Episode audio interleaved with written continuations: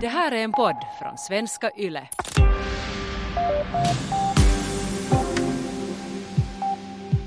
I september 2018 öppnade det nya barnsjukhuset i Helsingfors. Det här bygget var ett folkprojekt och tiotals miljoner euro donerades av vanliga medborgare för att det skulle bli byggt. Och idag vårdas barn från hela landet på sjukhuset som finns i Mejlans i Helsingfors. Men redan ett år efter att det öppnade så kunde YLE avslöja att nya barnsjukhuset led av problem som äventyrade patientsäkerheten. Och nu rapporterar dagens gäst och Yles grävande journalist Minna Knus Galan om att problemen kvarstår. Hej Minna! Hej!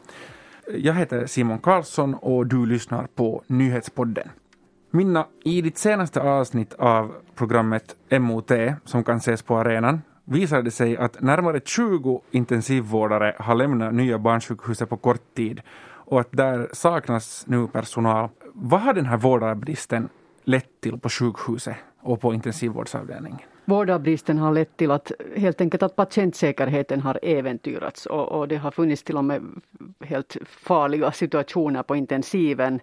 Det har också lett till rekordlånga köer till, till barns hjärtoperationer. De intensivvårdare och föräldrar jag talar med, eller föräldrar till allvarligt sjuka barn talar vi alltså om nu, så de är jätteoroliga över den här patientsäkerheten. Det här, om vi börjar med, med, med problemen som berör eh, hela sjukhuset. Vad för slags eh, problem är det vi pratar om?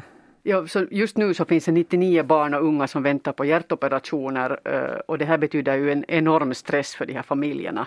Jag har varit i kontakt med 15 familjer med hjärtsjuka barn och, och, och det det, det, är en ångestfylld situation för dem. Dels är de ju nervösa och, och, stressade över hjärtoperationen som, som ska komma. Många av dem kommer långt ifrån. Precis som du sa så är det här ett sjukhus som vårdar alla Finlands eh, hjärtsjuka och, och de allra sjukaste, sjukaste barnen. De måste organisera barn och hundvakter, de måste ha ledigt från jobbet och så kör de till sjukhuset och så, säg, så säger de på sjukhuset att, att det inte finns eh, intensivvårdare och vi kan inte göra den operationen nu, att den skjuts upp. Och det här händer om och om igen, så, så det, det är en jättestressig situation. Eh, jag träffade bland annat en familj från Seinäjoki som, som bodde i ett litet hotellrum i Mejlan, så, så, att, så kallat patienthotell. Eh, och femåriga Alina skulle opereras då samma morgon. De hade kommit då pappan, mamman eh, och en lilla syster en och en halv åring och sen då Alina. Och den här operationen hade då redan eh, skjutits upp två gånger och så kommer de på fredag morgon till sjukhuset och så sägs det igen att tyvärr så kan vi inte operera och då var de redan på sjukhuset. Så blev de tvungna igen att vänta. Finns det också andra problem med patientsäkerheten på grund av de här, de här vårdköerna? Eller personalbrist? No, no, sen är det ju då, har det funnits säkerhetsbrister i intensivvården. Eh, det som alla säger är ju att ingen kritiserar vårdarna i sig utan de kritiserar det att det finns för lite vårdare. Och, och det här har, har lett till, till situationer som, som har varit så att säga liksom nära på farliga situationer. Ja, du, du har träffat föräldrar och barn som specifikt har påverkats också av de här problemen på intensivvårdsavdelningen. Eh, kan du ge några exempel på, på verkligheten där? Eh, ja, det handlar framförallt om någonting som kallas för ECMO-vård. Det är den allra eh, tyngsta eh, intensivvårdsformen som man kan ge. Det, det är en sån här hjärt och. Och, och det har funnits situationer och, och då, till saken hör att en ECMO-patient borde skötas av två vårdare. En specialiserad ECMO-skötare som ser till att den här apparaten fungerar kollar att det inte finns koagulerat blod, att det inte finns att det inte kommer luft i slangarna, sånt här som kan leda till farosituationer. Och så måste finnas en annan intensivvårdare som sköter om, om patienten. Och det här har under hela året varit ett jättestort problem. De här, de här ECMO-patienterna har skötts av bara en vårdare. Ibland till och med har det funnits situationer där en ECMO-skötare e, och ECMO-vårdare har skött om två eh, apparater samtidigt. Och, och det här är jätteproblematiskt när vi talar om patientsäkerhet. Och vad känner de här familjerna, föräldrarna inför att de hamnar i en sån här situation? Eh, det var faktiskt en mamma som tog kontakt med mig den här gången eh, i höstas eh, vars baby låg på, på intensiven. och, och var i en sån här ECMO-apparat. Och hon hade följt med den här, den, den här vårdarbristen och de, den familjen var, jätte, de var jätteoroliga över det här över det här så att de tog kontakt och ville berätta, berätta sin story. Och de hade då gjort upp, de, de höll dagbok hela hösten och skrev upp Eh, hur många vårdare som fanns på plats. Och till saken hör ju att på nya eh, barnsjukhuset så får eh, föräldrarna vara med hela tiden också på intensiven. Förut var, fick, hade man ju då bara sina besökstider. Men nu får de vara där hela tiden. Så de, de, är, ju, de är ju där och de ser den här situationen. Mm. Du har ju förstås också pratat med Helsingfors och Nylands sjukvårdsdistrikt som är de som sköter det här barnsjukhuset och med folk på, som jobbar på sjukhuset. vad säger HUS om den här situationen? HUS medger vårdarbrist men de dementerar att, det finns problem med patientsäkerhet. Sen säger de också i, i, intervjuerna som jag gjorde så påstår de att ECMO patienter alltid har två vårdare, vilket enligt mina uppgifter inte stämmer. Mm, är det då en ord mot ord situation eller, eller kan det vara så att ledningen helt enkelt inte bara har nåtts av det här, hur allvarlig situationen är? Eh, no, om jag säger så här att, att linjechefen för, för barnkirurgi eh, satt med på ett möte vars protokoll jag har fått, där eh, 30 uh, eh, läkare, eh, skötare, vårdare och, och chefer har suttit under ett eh, någon slags krismöte om ECMO-vården i höstas. Eh, där det talades om just de här sakerna att vi är för få vi blir tvungna att vi, vi måste sköta om två ECMO-apparater samtidigt. Det här går inte, det här är inte patientsäkert. Där de verkligen berättar om sin oro. Och där satt nog ledningen med. Så de vet nog. Okay. Eh, vårdbranschen eh, det är en diskussion i samhället om att vårdbranschen eh, plågas av brist på personal eh, och vårdbranschen eh, verkar inte heller locka lika mycket idag som förut. Det ser vi till exempel intagningssiffror från, från utbildningsställen. Men den här situationen på nya barnsjukhuset känns ändå ganska extrem. Vet vi varför så många vårdare har lämnat just det här sjukhuset? Jo, det som jag kan säga, och det, när jag har talat med, med flera intensivvårdare, både nuvarande och före detta, som, som har stuckit därifrån, säger att det här handlar inte om corona. Corona har gjort att det, det är stor brist på andra sjukhus, men när det gäller nya barnsjukhuset så är de här problemen långvariga. Och alla ger två, tre samma orsaker till att, att de har stuckit eller funderar på att lämna nya barnsjukhuset. Eh, för det första enorm tung arbetsbörda och stort ansvar. Det handlar om liv och död. Intensivvårdarna har berättat åt mig hur händerna skakar när de kommer på jobb, hur de har mardrömmar eh, över sitt jobb. De hinner inte gå på toaletten eller ta matpauser. Läget är kaotiskt. Sen är det uselt betalt, no, det vet vi, det har, det har diskuterats överlag. Men nu talar vi då om specialiserade vårdare, intensivvårdare och ECMO-skötare de får, de får, deras grundlön är 2500 euro. Det är samma som, som sjukskötare får på, på bäddavdelningar eller polikliniker.